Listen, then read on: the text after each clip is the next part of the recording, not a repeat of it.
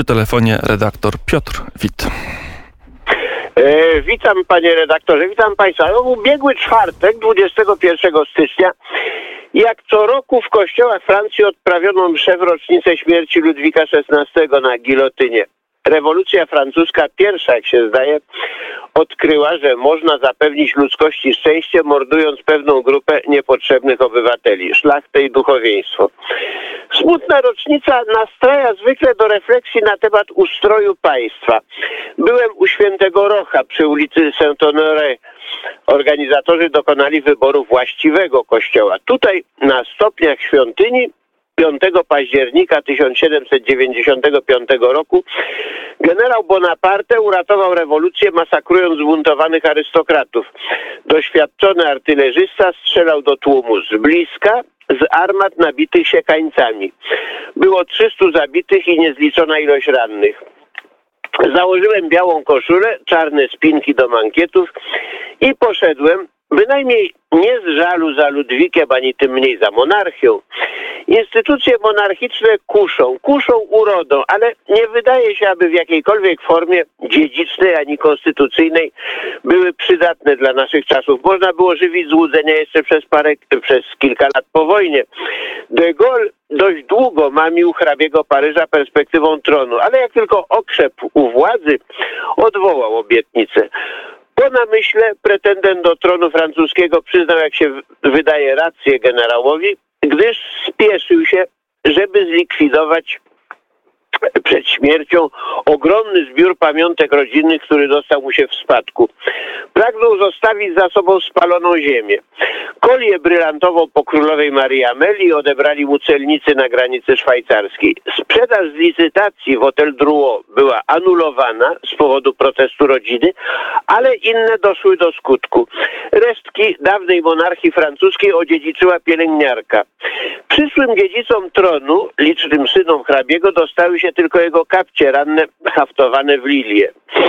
Jeżeli nam poddanym Republiki Demokratycznej przeżartej przez korupcję i sparaliżowanej przez biurokrację zdarzy się czasem westchnąć za Ludwikiem XVI, to nie z powodu złoconych karet gronostajów ani pięknie brzmiących tytułów.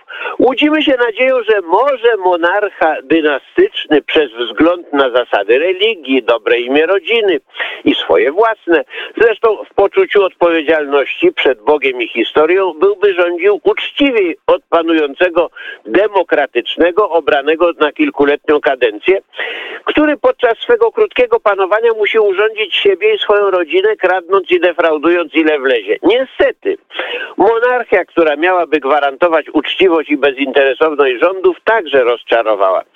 Skompromitowała się sama i pokazała swoje ograniczenia w obecnym świecie. Król Hiszpanii, Juan Carlos, Borbon i Borbon, oskarżony w aferach korupcyjnych, zrzekł się tronu na rzecz swego syna.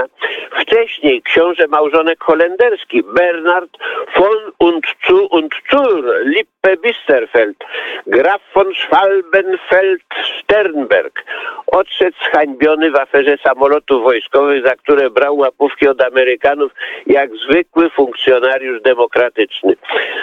Monarchia brytyjska jest od dawna tylko ładnie pomalowanym parawanem, za którym rząd i parlament sprowadzony do izby niższej panują i podejmują decyzje. Rodzinę królewską zaledwie tolerują, pod warunkiem, że pod żadnym pozorem nie zabierze głosu w sprawach polityki.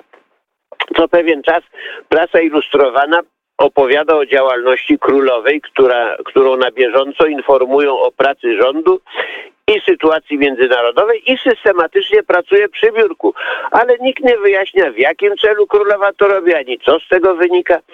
Romans jej synowej żony następcy tronu z Mahometaninem, ani małżeństwo wnuka królowej z osobą o niejasnym pochodzeniu nie umacniają autorytetu monarchini, która przecież jest papieżem swojej religii anglikańskiej.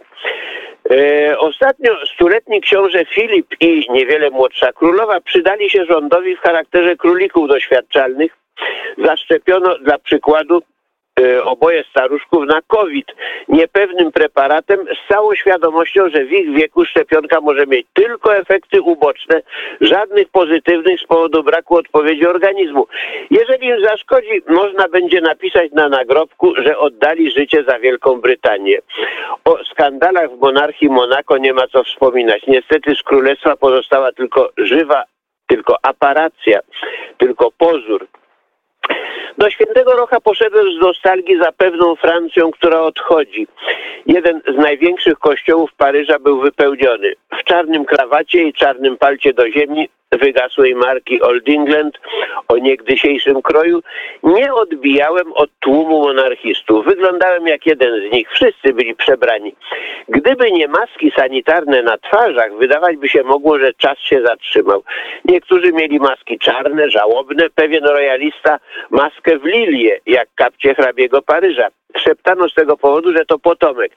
Przeważały wśród młodych ludzi palta w stylu szynela wojskowego, w niektórych przypadkach nawet ze złotymi guzikami. W ławkach najbliższych ołtarza potomkowie świętego Ludwika Burboni i Orleanowie, jak zawsze skłóceni, konkurenci do tronu, którego nie ma. Po jednej z takich mszy przed laty baron de Cassagne przedstawił mnie pretendentowi ze starszej linii. Bourbon okazał się młodym mężczyzną w zielonej tweedowej marynarce o sympatycznym uśmiechu. Audiencja miała miejsce na ulicy pod apteką. Skłoniłem się i powiedziałem Monseigneur. Innego Bourbona poznałem w ambasadzie. Miał prens wpisane do dowodu osobistego i był niegdyś spadochroniarzem w Legii Cudzoziemskiej. W przeciwległym kącie sali, na tym samym przyjęciu, trzymała się razem grupka Orleanów. Żadnego nie rozpoznałbym na ulicy. Msza była piękna, według starego rytu, łacińska, responsoria śpiewane, celebrant przy ołtarzu zwrócony twarzą do świętego sakramentu, tyłem do publiczności, ubrany był w historyczny ornat czarny, przepysznie haftowany srebrem, śpiewano egzekwie i rekwiem, w miejsce katafalku rozesłano czarny dywan z krzyżem po środku, otoczony świecami. Kazanie głosił proboszcz kościoła z ambony w birecie na głowie. Co za radość! Słychać je było znacznie lepiej niż mówiono od ołtarza, dzięki przemyślnej akustyce ambony. W przestrzeniach kościoła głos od ołtarza gubi się. Specjaliści o tym wiedzą, ale nakazy soboru są silniejsze od głosu rozsądku. Poświęcono słowo pańskie dla względów ideologicznych, dla widma nowoczesności i postępu. Od kiedy za sprawą radiofonizacji kościołów słowo Ewangelii i kazań zamieniło się w niezrozumiały bełkot, religia katolicka praktycznie zamilkła to, co miało ożywić liturgię, przybliżyć ją wiernym, przekształciło mszę w niemy rytuał pozbawiony treści. Po zakończeniu mszy celebrant zmienił ornat na inny, lżejszy, z motywem gołębicy Ducha Świętego, zbliżył się do symbolicznego katafalku i odczytał długi i wzruszający testament zgilotynowanego monarchy. Potem zgaszono świece i wyszliśmy na ulicę. Na ulicy była Republika. I to dopiero było rozczarowaniem. Redaktor Piotr Wit z Paryża. Bardzo serdecznie dziękuję za rozmowę. I za korespondencję, rzecz jasna. Godzina 8, minut 1, czas na serwis informacyjny.